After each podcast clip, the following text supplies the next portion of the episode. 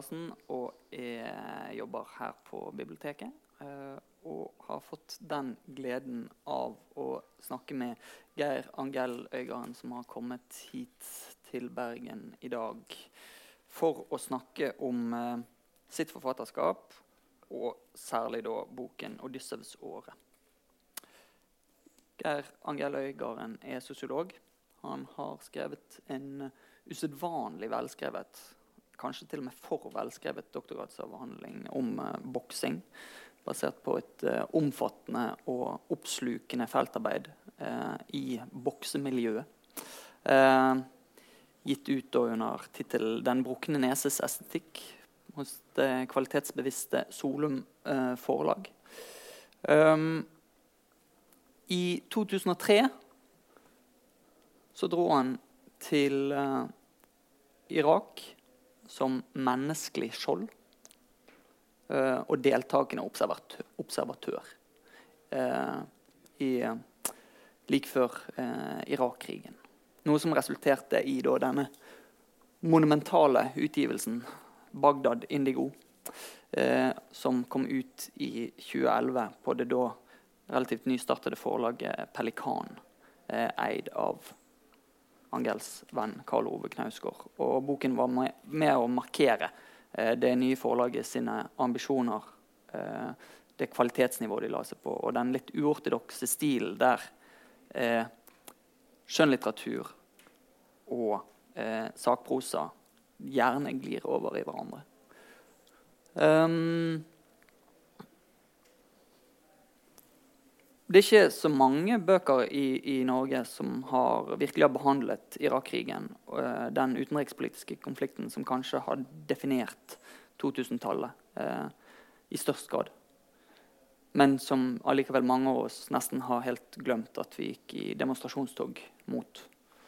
Eh, men det er klart at når vi ser på størrelsen på Geir sin bok, så kan en jo tenke at vi ikke trenger så mange flere.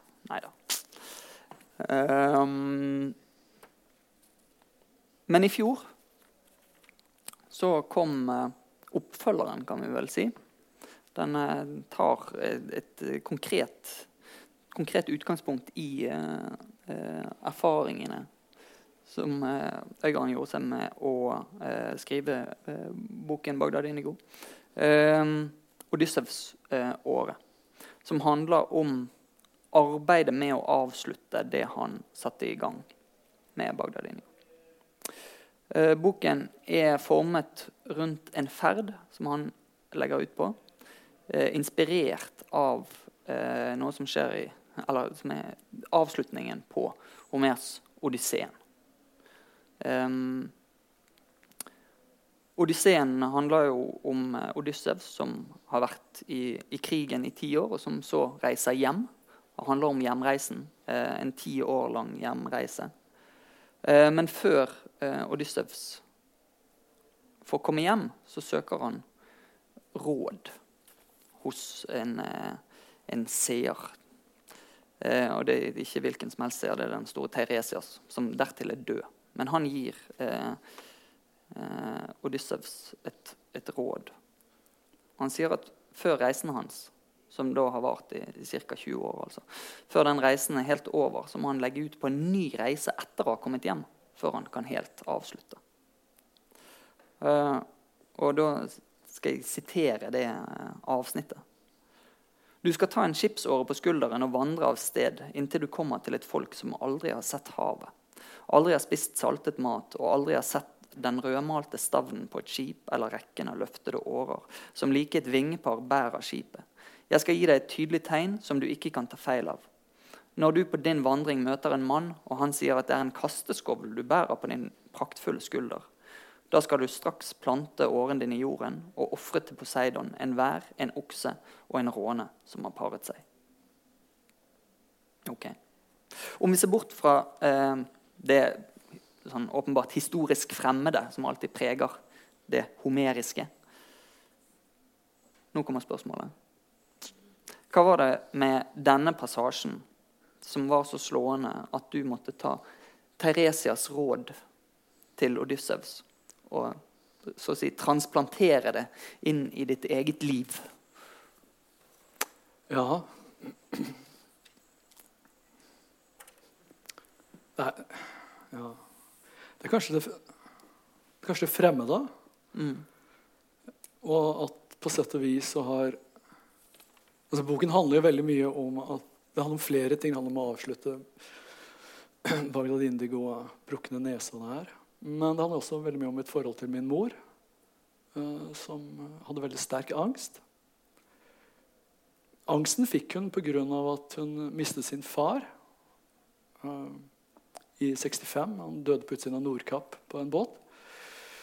Og det gjorde at hun fikk en uh, ekstrem dødsangst, naturlig nok. Og den dødsangsten preget jo min oppvekst fordi at hun ville ha en absolutt kontroll på oss. ikke sant? Hun vil jo ikke, hun vil ikke risikere å miste noe. Så hun klamret seg virkelig til oss. Meg og min bror. Kanskje spesielt meg, for jeg var minste barnet. Hun ville ha en jente også, ettersom 8. mars i morgen.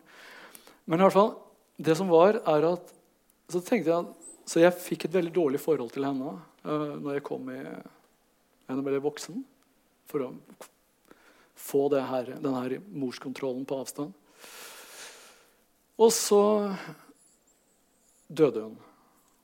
Og da er man i den situasjonen at uh, all den energien man har lagt ned på å bekjempe noe, er jo borte. ikke sant? Det er jo ikke noe mer da. Det er jo vekk. Og uh, så blir man eldre. Og så på en eller annen måte så tenker man at man skal prøve å kompensere det her. Som selvfølgelig er altfor sent, fordi det er jo gjort. ikke sant? Det er ikke... Da hun døde, så jeg, jeg oppførte meg ikke spesielt bra på hennes dødsleie heller, som jeg også skriver om i boken. Uh, og det er ikke noe som bekymret meg der og da, men du blir alltid innhentet til sist. Livet er en slags maskin som alt du legger inn i det, får du tilbake igjen. Um, og da tenkte jeg hva, hva, gjør, hva gjør, vi nå? Da? Så kan du selvfølgelig gå til kristendommen, som har sine ritualer. Uh, for på en eller annen måte å, å ikke gjøre godt igjen. på en eller annen måte. Uh, for det er ikke mulig, men en eller annen slags uh, hva skulle du kunne kalle det? Kirken ville vel kalle det en kanossagang. Botsgang. Men så har jeg alltid vært interessert i antikken. Da, da jeg skrev 'Brukne nese', så var det, så var det også pga. et avsnitt i Men da var det i Iliaden. Som, som satte i gang det, det, det prosjektet. Da. Og uh, første gang jeg leste det stykket som Kristoffer nevnte der, um, så var det noe som stoppet opp. Fordi at okay, det var veldig fremmed, og det var veldig ubegripelig. Det er ikke så ubegripelig når man, man setter seg inn i det her. Jeg mener, Problemet til Odyssev er jo at han har et problem med Poseidon. Poseidon er jo behersker havet og jordskjelv og alle de her tingene, men, men, havet. ikke sant? Og Nå skal han ta denne åren og så skal han gå innover land, lengst mulig bort fra havet. Og da tenkte jeg som sa at ja, men Poseidon tok jo min morfar også. Og på grunn av det så fikk min mor angst. ikke sant? Altså hun fikk angst. Og det preget mitt liv igjen. Og for å gjøre godt igjen denne konflikten med Poseidon, så skal Odyssef ta denne åren og gå inn i landet til han møter et menneske og spør hvorfor du går med en spade eller en kasteskovel eh, på sin skulder. Og så tenkte jeg at ja, det er jo ingen som har gjort det her på Gud vet hvor mange tusen år. Man er litt usikker på når det her både er skrevet og, og gjort. Og om det er bare en fantasi. Så tenkte jeg at ja, men man kan jo prøve. Det har sikkert noe med alder å gjøre. Jeg var 45, omtrent den samme alder som jeg regner med at Odyssevs var da han kom tilbake til Litakia. Da tenkte jeg, ja, men hvorfor ikke? Jeg kan jo ta en forbannet åre og gå. Det er like greit å gjøre det som noe annet. Og så fins en nøkkelscene i uh, 'Nostalgia' til Tarkovskij, hvor han uh, hvor, han, eh, hvor en av hovedpersonene der han, eh, han, skal For å skape fred på jord Jeg vil huske en omtrent sånn som det her. at Han får et spørsmål av en om hvordan skal man skape fred på jord. Så svarer han det er enkelt. Du tar det her stearinlyset, og så bare går du over Katarinas basseng. Og det er bare et basseng på et hotell. Du bare går over der med det. Og så tenkte jeg ja, men hvorfor ikke? Uh, man, når, man, når, du har, når, du nærmer deg Det er en typisk middagshøydebok. ikke sant? Når du, har, du har gått, når du har gått igjennom alle de her rasjonelle forklaringene rasjon, den rasjonaliteten som du ikke minst utsettes for på et universitet, så tenker du ja, hvorfor ikke prøve noe vi ikke vet? Og så tok jeg med meg familien til Itaka. og Det er det eneste rimelige stedet å begynne en slik reise. Itaka er det stedet hvor Dysef kom tilbake. Um, og det er ut ifra Itaka han drar. Det eneste stedet å være på Itaka det er å være med familien. Så jeg tok med meg min kone og mine to barn til Itaka for å få tak i en åre. Man kan selvfølgelig ikke finne noe av disse såra. Men, eh, så jeg skaffet en plaståre made in Taiwan uh, der nede. Sammenleggbar. For jeg, jeg er altfor uh, sjenert til å gå rundt med en enorm uh, åre. Så, sånn, så, jeg kunne liksom bare vri den ut, plaståra, sånn som det er. omtrent. Og så tok jeg og tenkte Men hvor, skal jeg reise hen? Det skal være et land uten kyster. Helst et sted hvor ikke de spiser saltet mat. Uh, jeg, visste, jeg, tenkte på Kongo, altså hele området der. Da. Jeg tenkte stedet jeg kanskje kunne tenke meg å reise. Uh, det var flere steder jeg, jeg, jeg var igjennom. Da. Men ettersom jeg også i Bagdad Indigo hadde begynt et slags prosjekt hvor jeg fulgte den amerikanske hæren, den amerikanske militæret, så tenkte jeg at jeg, jeg, jeg, fortsetter det sporet, så jeg drar til, til Afghanistan. Og det, det, er et land uten kyster, eh, og hvor de ikke vet så fryktelig mye om båter. Det gjorde de jo heller ikke. Um, og uh, Men jeg, hadde, jeg, hadde, jeg, kjente jo ingen i Afghanistan, og jeg hadde jo aldri vært der. og sånn. Men jeg fant et uh, sånn guesthouse på Internett og så kjøpte jeg flybilletter, og så, og så fløy jeg dit. Um, og, og da, men da spinner jo andre ting av gårde. ikke sant? For da plutselig forlater jo jeg familien. ikke sant? På samme måte som min morfar, som i sin tur strøk med på, på, i, i Nordishavet. Ja, da er det, er jeg som plutselig liksom reiser ut, og de som blir sittende igjen, mine to barn og min kone, ikke sant? og er redde for meg. Ja, og så setter det i gang en, en, en, en annen prosjekt, eh, prosess da, hvor, jeg, hvor, jeg, må på sett og vis løse det da, med dem. Og det blir også en del av boken. naturlig nok. Og nå har jeg gått langt forbi det du spurte om. Ja, men det, ja, det, det svaret inneholder vel uh, store deler av, av uh, boken. Men eh, samtidig så er det vel eh, Alt du har snakket om, handler vel litt om dette med denne uh, det, det, rituelle ved denne ferden. Hva det er eh, for et ritual. Um, og det Du knytter det til en, en botserfaring. Um, og, og, det er interessant at du både knytter det til at Bagdad Indigo tar utgangspunkt i eh, Eller tar utgangspunkt, men i hvert fall har en eh, referanse til Iliaden, mens her er til Odysseen. Og du sier eh, i Odyssevs åre at eh, Iliaden og Odysseen er fortellinger om vrede og eh, forsoning.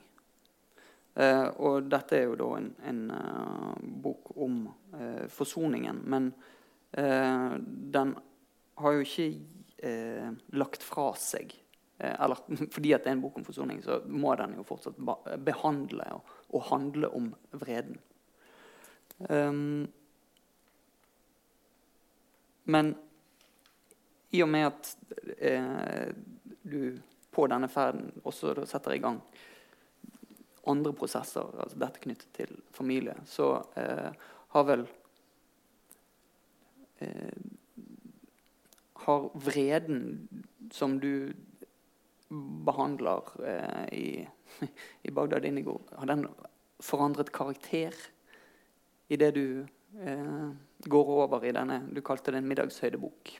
Ja, ja, det har med biologi å gjøre. Eh, utvilsomt. Man, eh, jo eldre man blir, jo mer taper man i kraft. forsvinner veldig mye av både aggressivitet og sexlyst og annet. Initiativ. Mm. Liksom du, man forstår jo liksom at man bare er på vei Det går ikke oppover lenger, det går nedover. ikke sant? Det er jo Og det er jo det er jo Når jeg skrev 'Brukken nese', så var jeg liksom Jeg var i 20-årene. Jeg, var i eksepsjonelt god form. Um, full av overskudd og alt det her. Samme for så vidt med Bagdad Indigo. Jeg er 35. Jeg fylte 35 i Bagdad under sjokket nå. Men nå er jeg 45 da, og, da, begynte å kjenne på at, nå, veldig mye av, av den, den, kraften forsvant. Og det er klart det preger jo ens måte å se på verden. Det preger jo ens, uh, ens sett å både tenke og skrive. Mm. Det er ingen erfaringer man har som ikke setter sitt spor i det du skriver. Mm. Det, det, er ikke mulig. Så man, man, ser, man ser, annerledes. Altså, det er jo det er vel uh, Wise and weak. Det, vel, det henger vel sammen. Det er, det er, det er jo Så, så det, det, det tapet av kraft, da, det, er det jo. Mm. Men, men hvordan har det eh, forandret eh, din opplevelse av eh, de eh, fellesskapene som du beveger deg i i disse eh, bøkene? Eller de rommene som du beveger deg ja, ja, i disse sånn, bøkene? Mm, nei, nei, men Ja Det er vel en slags den form for um, Det er jo mye som dør med kraften. da. Romantikk dør. Og Da prater jeg ikke om seksuell forstand, da prater jeg mer om en slags romantisk forhold til livet. Uh, jeg syns dette var mye morsommere å holde på med for 10-20 år siden. Nå syns jeg det var mer anstrengende. Uh, jeg hadde ikke en tanke på å være urolig når jeg var i Bagdad. Uh, selv om det var mye farligere enn en Afghanistan da jeg var der. Afghanistan var jeg mye mer urolig og redd. Hadde jeg to barn hjemme, var jeg urolig og redd for det. Eh, var nede med US Marines i Helman i Afghanistan. Eh, unge gutter. De er ikke så gamle. De er som regel et sted mellom 17 og 25, liksom. Eh, og du har jo en, hele din, den fascinasjonen jeg har hatt for den type fellesskap og alt det der, det er, en, eh, det er en, slags utmattelse. Det, det, det, er helt brent ut for mitt vedkommende. Jeg er ingen som sitter og ser krigsfilmer hver eneste kveld og liksom sitter og leser om krig og alt det her. Uh, jeg hadde jo for eksempel, jeg, I boken så prater jeg med to kvinnelige marinekorpssoldater. Jeg hadde jo aldri tenkt å prate med kvinnelige marinekorpssoldater. Jeg, er noe som absolutt ikke interesserer meg, så er det kvinnelige soldater. Men uh, når man drar et sted, så drar man jo for å treffe et menneske. ikke sant? Jeg kunne jo aldri reist til Afghanistan for å skrive om kvinnene i Afghanistan eller mennene i Afghanistan. Eller, altså den type gru grupper. Man leter jo bare etter et menneske som kan fortelle deg noe. ikke sant? Mm. Så plutselig så havner jeg med de her to jentene i, som er soldater der nede. Og ettersom jeg er ganske ferdig med, med, med, med, å skrive om mannlige soldater. Eh, den er over 1000 sider, den boken, om Bagdad. Så begynner jeg å prate med dem. Og Nei, det var fryktelig interessant.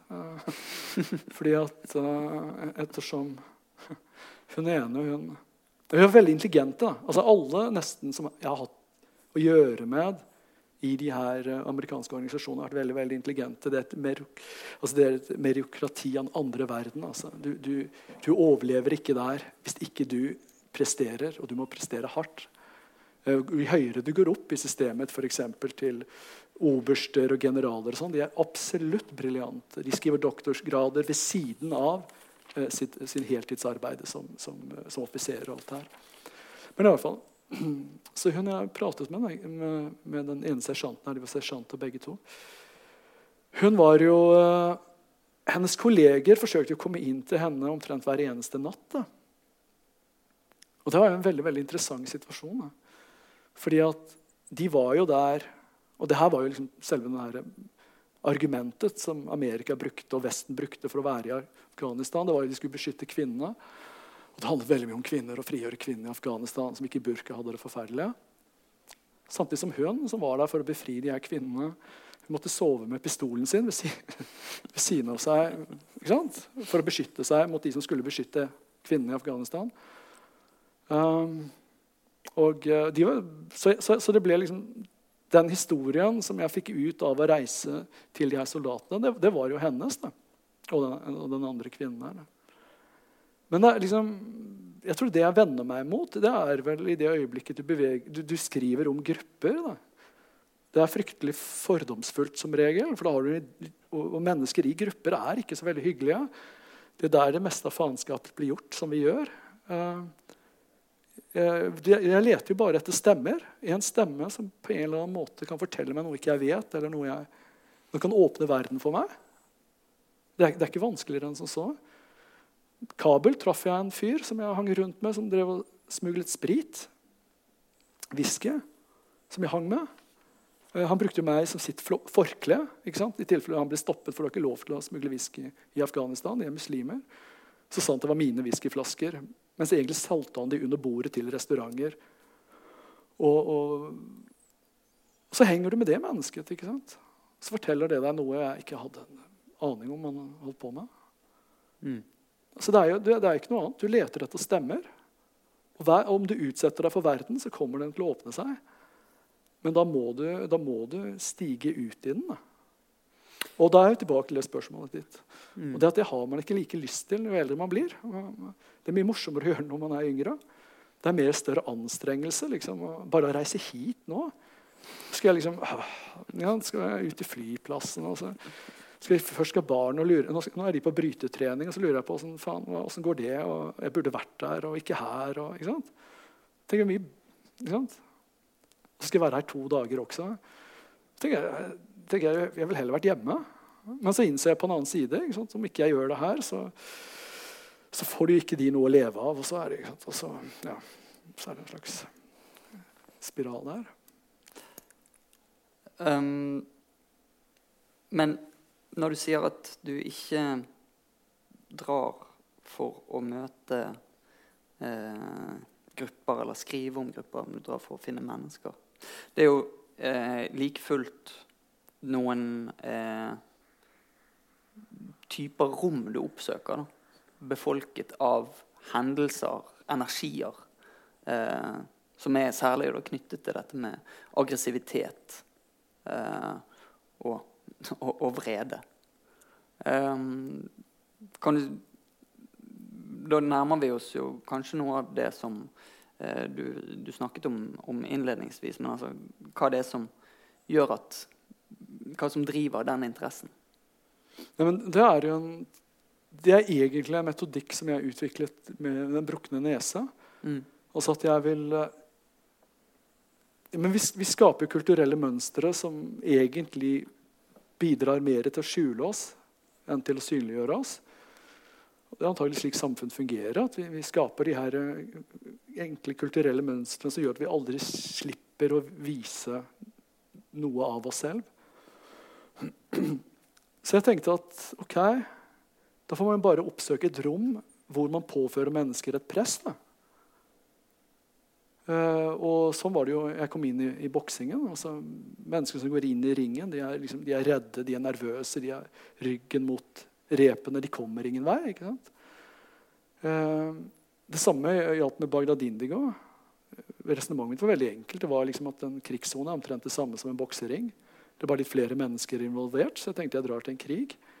Det spilte ingen rolle hvilken krig det var. Jeg var mest interessert i selve denne sonen, hvor mennesker er under et fryktelig press. Uh, så jeg reiste til, til uh, uh, Irak. Og, og, det er fordi at jeg, jeg, vil se disse kulturelle mønstrene brytes ned. Da. Så kan man si at det produserer nye kulturelle mønstre. ikke minst i boksing, hvor du kan si at du skaper nye ritualer. ikke sant? Videre. Men eh, du har denne teorien til eh, Ernst Jünger, tysk uh, forfatter. Han skrev et essay en gang som heter 'Über den Schmerz', om smerten. Uh, hvor han mener smerten er alle tings målestokk.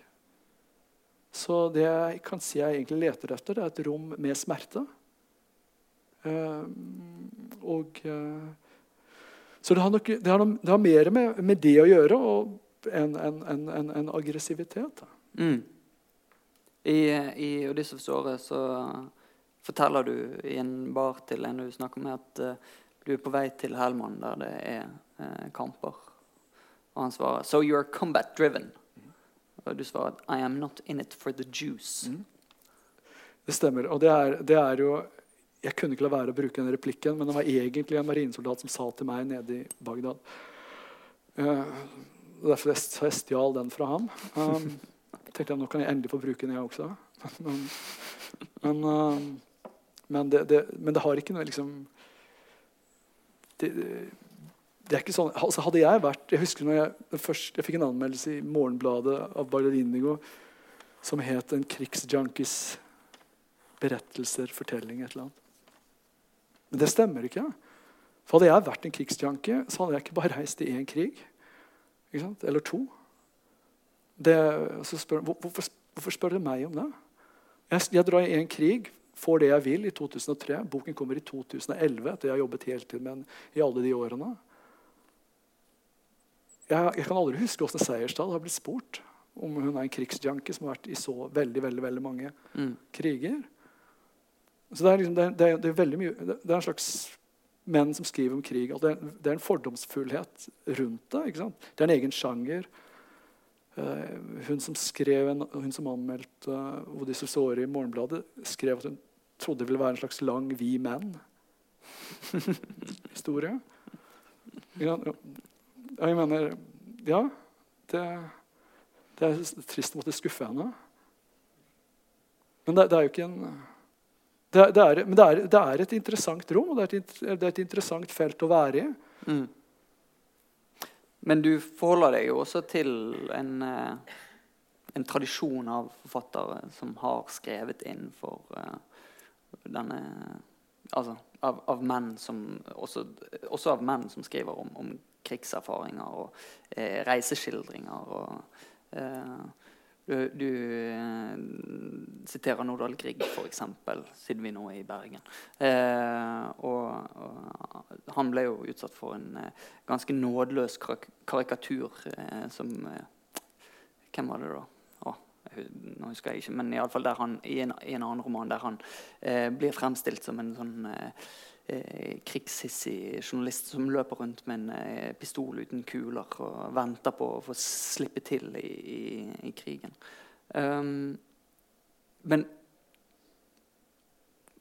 det at du møter den typen eh, lesninger eller forventninger, hvordan forholder du deg til det i forberedelsen eller i selve reisen eller i skriftarbeidet? Ingenting. Ingenting. Ikke noe.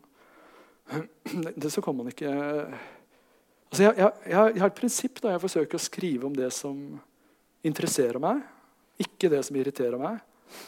Uh, så jeg forsøker bare å fokusere på det som jeg faktisk har interesse av. Uh, I Bagdad Indigo der, et, der, forsøkte jeg å unnvike tre ting. Det var saklighet, aktualitet og nytte. Jeg tenkte at jeg skulle se om jeg kunne liksom komme meg rundt den her rasjonelle, akademiske måten å se på ting. Um, det er vel nesten sånn en slags dogmaaktig ting. Man setter opp små regler for seg selv, og så, mm. og så forsøker man det. Som, nesten som et eksperiment. Um, men ikke, jeg kan ikke tenke på lesere, du kan ikke tenke på hvilke samtaler som fins. Um, det meste av altså jeg, jeg, Samtiden Man lærer jo ingenting av samtiden. Den, den skyller jo bare gjennom kroppen din. Vil du vite om samtiden, så les 1400-tallslyrikk. Eh, da får du øye på samtiden vår. Eh, du kan ikke liksom all denne ideologiproduksjonen vi holder på med, alt det som er så utrolig viktig, alle de her debattprogrammene, alt det der. Jeg slengte ut TV-en i 89. Jeg har ikke hatt den siden. Ingen aviser heller. Jeg, jeg, ser ikke, jeg, ser rett og slett ikke poenget med det. Det her er mitt liv. Jeg vil ikke bruke den på, på, på å gå inn i de her døde sirklene som bare går rundt og rundt og rundt. Og det er naivt, selvfølgelig. For da, da, går man jo ut sant, som en komplett idiot med en åre på skulderen, mer inn Taiwan av plast i Afghanistan og tenker liksom Ja, ja, men hva så? Du treffer jo allikevel virkelige mennesker, ikke sant? Og det, det, det, spiller ikke noen rolle hva det er. Du, det er jo bare noe du liksom Det kan være en åre. Det er noe som ruller i gang noe.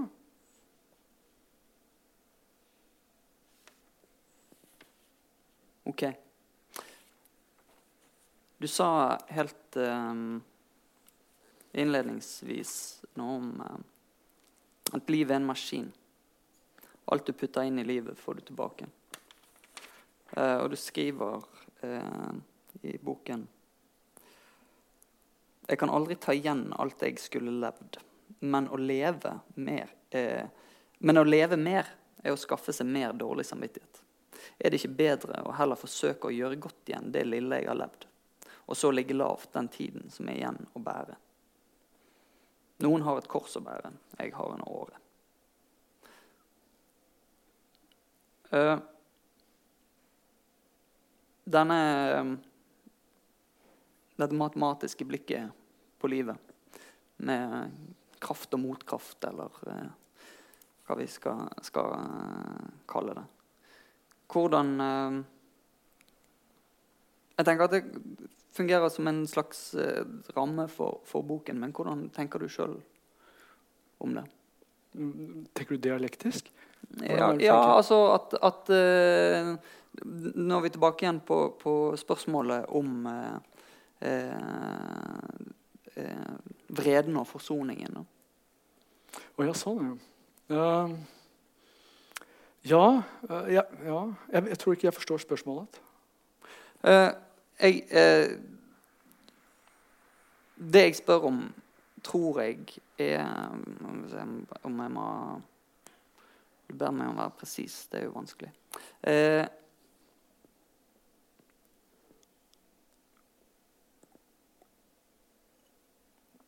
som en middagshøydebok. Det sitatet jeg leser befinner seg på en måte midt i livet. Det, eh, den gjør opp sitt, sitt bestikk. Um, og du spør om en ikke heller, når en står midt i livet, bør gjøre ingenting heller enn å eh, eh, engasjere seg mer eller gjøre mer. Men hva er det en skal gjøre opp for? Det er vel eh, egentlig det jeg eh, spør om. Og hvordan kan man gjøre opp? Det her spørsmålet der ville man jo aldri ha stilt om man går tilbake i tid. Det er noe vi, vi kunne stille i vår tid. Mm. Hva, hva, skal vi gjøre opp for? Vi har hatt arvesyn, vi har hatt alt mulig som, som har vært det, Jeg mener det, det fins i, i, i, i, visse uh, kulturer buddhister som ber om tilgivelse for alle insektene de har tråkket på i løpet av dagen. Så det fins mange måter å se på det her på. Men det, det, er jo inget Nå drar jo du inn et 'vi'. Mm. Jeg bruker ikke et ord 'vi' der. Nei.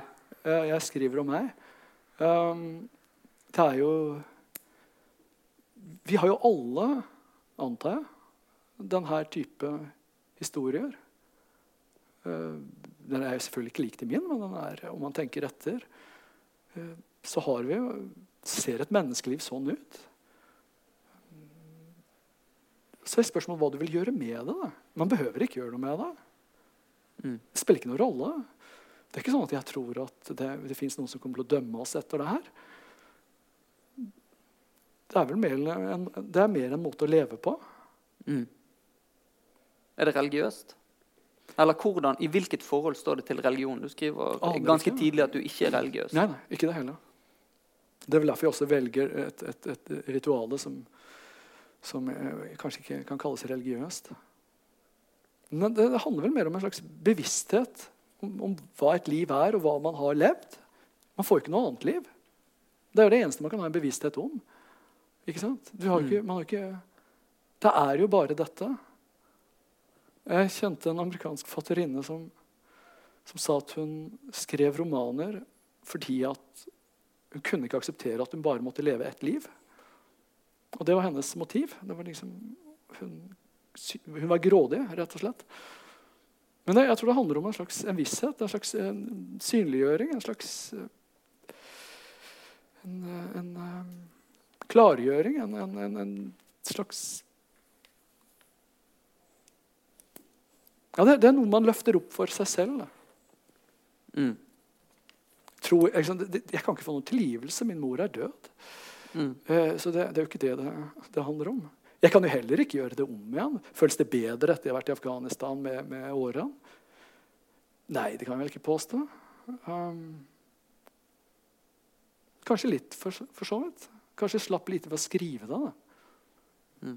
Ved å skrive noe, så brenner man noe. Det er en måte å kvitte seg med ting på. altså. Og når det er skrevet, så er det på sett og vis begravd. Så det, det er kanskje det som til syvende og sist er, er, er ritualet. Mm. Men det er jo også hentet fra en bok, hele ritualet. Så, Ja. så det er liksom Så det biter seg selv i halen. Um, du snakket om det å gjøre opp for, du snakket om ditt forhold til din mor. Og vi har vært innom eh, hennes dødsangst som noe som eh, fikk innflytelse over eh, ditt forhold til hun selvfølgelig, men også ditt forhold til deg sjøl, går jeg ut fra, og ditt Ja, forhold til hvordan du valgte eh, å leve et eh, vilt og poetisk liv. Ja, men det er, det er det er jo det som er det fascinerende med det her. At du kan ikke løpe fra deg selv. Og jeg ser jo nå, jo eldre jeg blir, jo mer får jeg av min mors angst. Eh, Så det går i arv. Altså, Mm. det, jeg, jeg, jeg tar meg selv i å oppføre meg akkurat som henne overfor mine egne barn. Den samme kontrollen og den samme liksom Jeg må jo virkelig altså, ta meg kraven for ikke For ikke liksom bare å holde alt fast rundt meg. ikke sant? Mm. Så det, det er ikke noe sånn der Du kan ikke jeg, jeg tror ikke på noen slags forløsning. Jeg tror ikke på Jeg har en kritikk av Marx der òg. Jeg utstår ikke det her sitatet at det handler om filosofer har bare forklart verden handler om å forandre den. Jeg, jeg tror jo ikke på den type forandring. Det er vel mye det det også hele boken handler om, tror jeg. Mm. Forsoning heller enn forandring. Ja. Ehm, du skriver eh, ganske morsomt om eh, din eh, yngste sønn i trass trassalder på vei til, eh, Mm. til Hellas. Eh, og, og om eh, hvor uregjerlig eh, han er. Um, nå har vi jo Nå har du jo nevnt det, men altså Farskapet eh, forandrer eh, selvfølgelig eh, forholdet mellom eh, vrede og, eh, og forsoning. Um, hvilken plass til vrede er det i en fars liv? Aner ikke. Jeg, jeg, det, det er et helt umulig spørsmål å besvare. Det, det, det, er, ja, det er vel sånn det ser ut. Da. Jeg lever jo mer barnets liv enn jeg lever mitt eget liv nå. Mm. Ikke sant? Du, eh, jeg ser, hva bruker jeg tiden min til? Jeg, jeg kjører barnet på aktiviteter i Ystad. sitter jeg selv nede på Bryggen og hører på filosofihistorie på sånn her uh, høre der. Og ser på fergene til Polen. Um, og det er, liksom, det er den dagen. Og i morgen ser det omtrent likedan ut. Og du går inn i her rutinene med barnet. ikke sant? Men uh, så tror jeg det er en kjønnsforskjell her. Da. Jeg var jo totalt uinteressert av barna før de ble liksom fem. eller noe sånt. Mm. Altså Småbarnsliv syntes jeg var helt forferdelig. Det, var ingen, det brukte jeg ikke noe tid på heller. altså. Min kone derimot elsket det. Hun Synes det var Helt fantastisk, helt enestående. Men Det gjorde ikke jeg. Mm, derimot, når de ble, Du har det kinesiske uttrykket at mannen forsto at han ble far da barnet var fem år. tror jeg. Det er noe sånt. Altså du, ikke sant? Men så har vel det mer eller mindre tatt helt over. Da. Og så er det, det det livet jeg lever. Gjennom eller for barnet? Jeg tror ikke du tenker gjennom. Jeg tror Nei. du tenker bare for. altså. Mm. Um, det, er, det, det blir et uh, så, det, så det her begrepet, altså begrepet curlingforeldre liksom, det, er en grunn til at det fins et slikt begrep, og det fins en grunn til at foreldre gjør sånn. Mm. På samme måte som Svenssonslivet er et fullstendig adekvat spørsmål, svar på hvordan man lever med barn. Mm. Det liksom, ja, Da skaffer du en stor bil. Du skaffer en hund. Du, du, du skaffer en villa. Alle har hatt ideer om at det skulle man aldri gjøre. I hvert fall da Mm. jeg studerte i Bergen. Det tar ikke lang tid før alle har det. Um, men samtidig som dette her er det avklarte livet på en måte eh, fremstår eh, veldig rasjonelt og som det vanlige og det som alle eh, bør gjøre, så eh, ligger det også en, en annen rasjonalitet i mye av det du skriver eh, som er altså er kritisk altså, Eller som ser gjennom det, den eh, det, det middelslivet. Eh, sånn helt åpenbart, og som lett kan knyttes tilbake til den eh, yngre, eh, rasende mannen.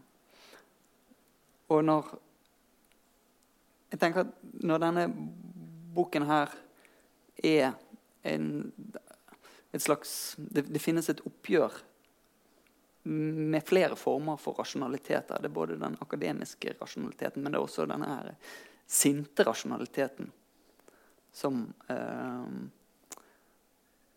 Som du for, forsøker å, å forhandle med, da. Skjønner du hva jeg mener? Jeg forsøker. Ja. Eh, at at eh, det er um, I, i eh, den avklarte situasjonen så er det noe med å gi seg over til noen paradoksale situasjoner som ikke eh, man nødvendigvis alltid kan forsvare annet enn av eh, emosjonelle grunner. Eller noe det, er, det er vel ikke noe vanskeligere enn at vi er veldig mye. Og det er veldig Mm. mye vi har lyst til. Fryktelig mye vi drømmer om. Det er veldig lite vi kan gjøre. Egentlig er det ikke sånn. Vi vet alle sammen at verden er åpen. Den er alltid åpen. Du kan alltid ta et steg ut i den. Det handler bare om å våge å utsette seg for den. Det er ikke noe annet. Det er veldig lett. Hver gang du gjør det, så kommer det til å hende noe. Men det, det tar jo stopp på visse punkter. da. For mange av oss. Med barn, f.eks. Mm. De gir vel stendig, Mine barn gir vel faen i hva jeg vil. Altså, det er ikke, jeg er ikke på deres, står ikke på deres liste. Liksom, de har jo sine krav. Ikke sant? De- Mm. Skal visse ting, og det skal de ha. Så, videre.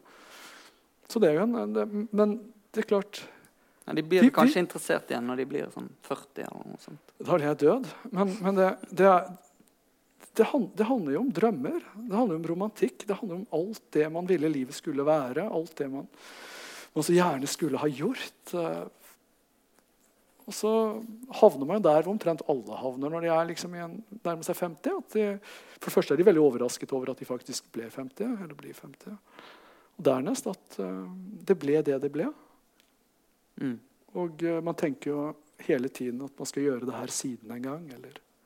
Men så plutselig så er Har man passert siden, og så er man ikke så interessert lenger. Det er vel mer det. Så det men det betyr jo ikke at drømmene er der jo fortsatt. Alt, alt er der jo. Det er bare matter av. Mm. Men eh, jeg har jo også levd i et forhold siden jeg var eh, Faen, hvor gammel var jeg? 20? Og det er mer en erfaring som mine besteforeldre har, enn mine foreldre. selv om de også levde sammen. Det tilhører egentlig en annen generasjon. Og da lever du jo, liksom, da, da, legger du, da går du inn i et slags forhold du, som setter visse begrensninger for deg frivillig i en veldig veldig ung alder. Ja, mm. Det skaper jo selvfølgelig et, et, et enormt sug i en som man må på en eller annen måte hanskes med. Eller så kan man bryte opp, selvfølgelig. og så kan man starte på nytt. Den her seriale monogamien som er det mest normale om dagen. Det spiller også en rolle. Knytter du da det seriale monogamiet til dødsangst? Ja, alt handler vel til syvende og sist om det. men, uh, men, det er jo en uh, det, ja, det er, vi, vi, får, vi, har jo også en slags illusjon. Vi har, verden, vi, har en Vi er utrolig privilegerte. Vi lever i en utrolig privilegert tid. Kultur har aldri vært billigere. Klær har aldri vært billigere. Bøker har aldri vært billigere. Alt er billig om vi vil. Vi kan leve på ingenting i prinsippet i denne delen av verden. Så vi har fantastiske muligheter som ingen andre har hatt. Uh, det gjør, men det legger også et press på oss. da. Når ikke vi bruker de mulighetene og ikke tar dem. Mm. Det livet jeg lever, for eksempel, det hadde ikke vært mulig med mindre jeg hadde hatt en egen formue. Om vi går tilbake 200 år. Ikke sant? Det hadde ikke gått. Men det er også det her at vi vet vi har dette utrolige potensialet, disse mulighetene. Og allikevel så klarer vi ikke å forløse dem. Mm. Jeg, ser, jeg har så mange mennesker jeg kjenner som reiser hele tiden. Men de har ingenting å si. De drar og drar og drar og kommer tilbake igjen. Men har ikke noe å fortelle. De ser de samme tingene som alle ser. Vi gjør verden Vi avmagnetiserer verden. Vi avfortryller den. Samtidig som vi liksom lokkes til fortryllelsen gjennom reklame og forestillinger om andre land osv. Men uh, den er mindre, mindre eksotisk. Mm. Mer serieprodusert. I, i uh, åpningen av boken så skriver du om å komme tilbake til uh, flyplassen i Ankara, er det vel. Og om det ikke avslutter det. Uh, og denne her hangen til å se ting igjen mm. for at det ikke skal, skal være over. Og her knytter du det til en slags eh, en aldringserfaring, som er noe av det du, du snakket om, om nå. Um, Odysseen er jo en bok om en mann som blir som reiser ut som ung og kommer tilbake som eh, definitivt voksen. En, en myndig eh, mann. Eh, og det ligger en veldig eh, sånn eh, Jeg har lyst til å kalle det en, en myndighetserfaring i det å eh, anerkjenne eh, livets det, avsluttede karakter. At, og hangen etter den, det å kunne gjenta noe, det å kunne gå tilbake til noe, det å kunne ta opp igjen noe, eh, det er noe vi, vi, alle higer etter, men som du tidlig slår fast i, i boken, er noe eh, illusorisk, virker det som. Um, vi har jo allerede slått fast at boken en, handler mye om aldring. Men, men uh, Jeg vet ikke om, om Spørsmålet er kanskje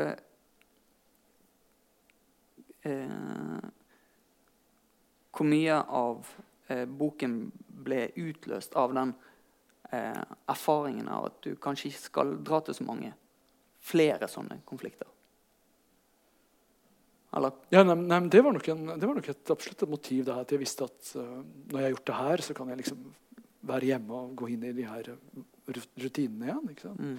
Men grunnen til at man lokkes av, for å tilbake det du begynte med, både resitatet i Odysseen og Odysseen og Iliaden i det hele tatt, det er, det er vel det usentimentale synet de, de har på mennesker. Eh, som, virker, som, i mine ører er mye, mye, mye mer sannere. Mm, altså Mennesker liker å skade hverandre, de, de liker å skryte av det. De, de, liker å gjøre de her tingene, ikke fordi at de skal gjøre verden bedre, som vi liker å fortelle. De, de, gjør det. Mm. Sånn er mennesker. Det er en slags historie man kan tro på. Eh, det er en slags sannere historie om mennesker. En slags menneskelig grunnfjell, grunnerfaring. Eh, det var derfor jeg gikk til, til, til Homer og, og, hoppet over hele den kristne tradisjonen som ligger imellom. Ikke? Mm. Eh, hvor eh, vår tid har vel tatt den, den her, eh, det et steg enda lenger bort. Mm, fra, det, fra hvor, hvor, vi omskaper oss til noe vi, vi, virkelig ikke er. Jeg mener, Det fins vel ingenting vi gjør som ikke vi gjør for noen andre. Det er jo liksom selve nøkkelen til vår kultur for å få det vi vil ha som alltid ender opp med at vi alltid får det bedre enn alle andre gjennom å hjelpe alle andre osv. Så, videre, så det er en slags nøkkelmekanisme. Det vidunderlige med, med Odysseen er jo liksom at de sier det rett ut. Altså, mm. De liker å skade, de liker å skryte av det, de liker å ja, whatever. Tusen takk, ja. Geir. Det var eh, kjekt. Mm. Og takk, takk. for oppmøtet. Takk.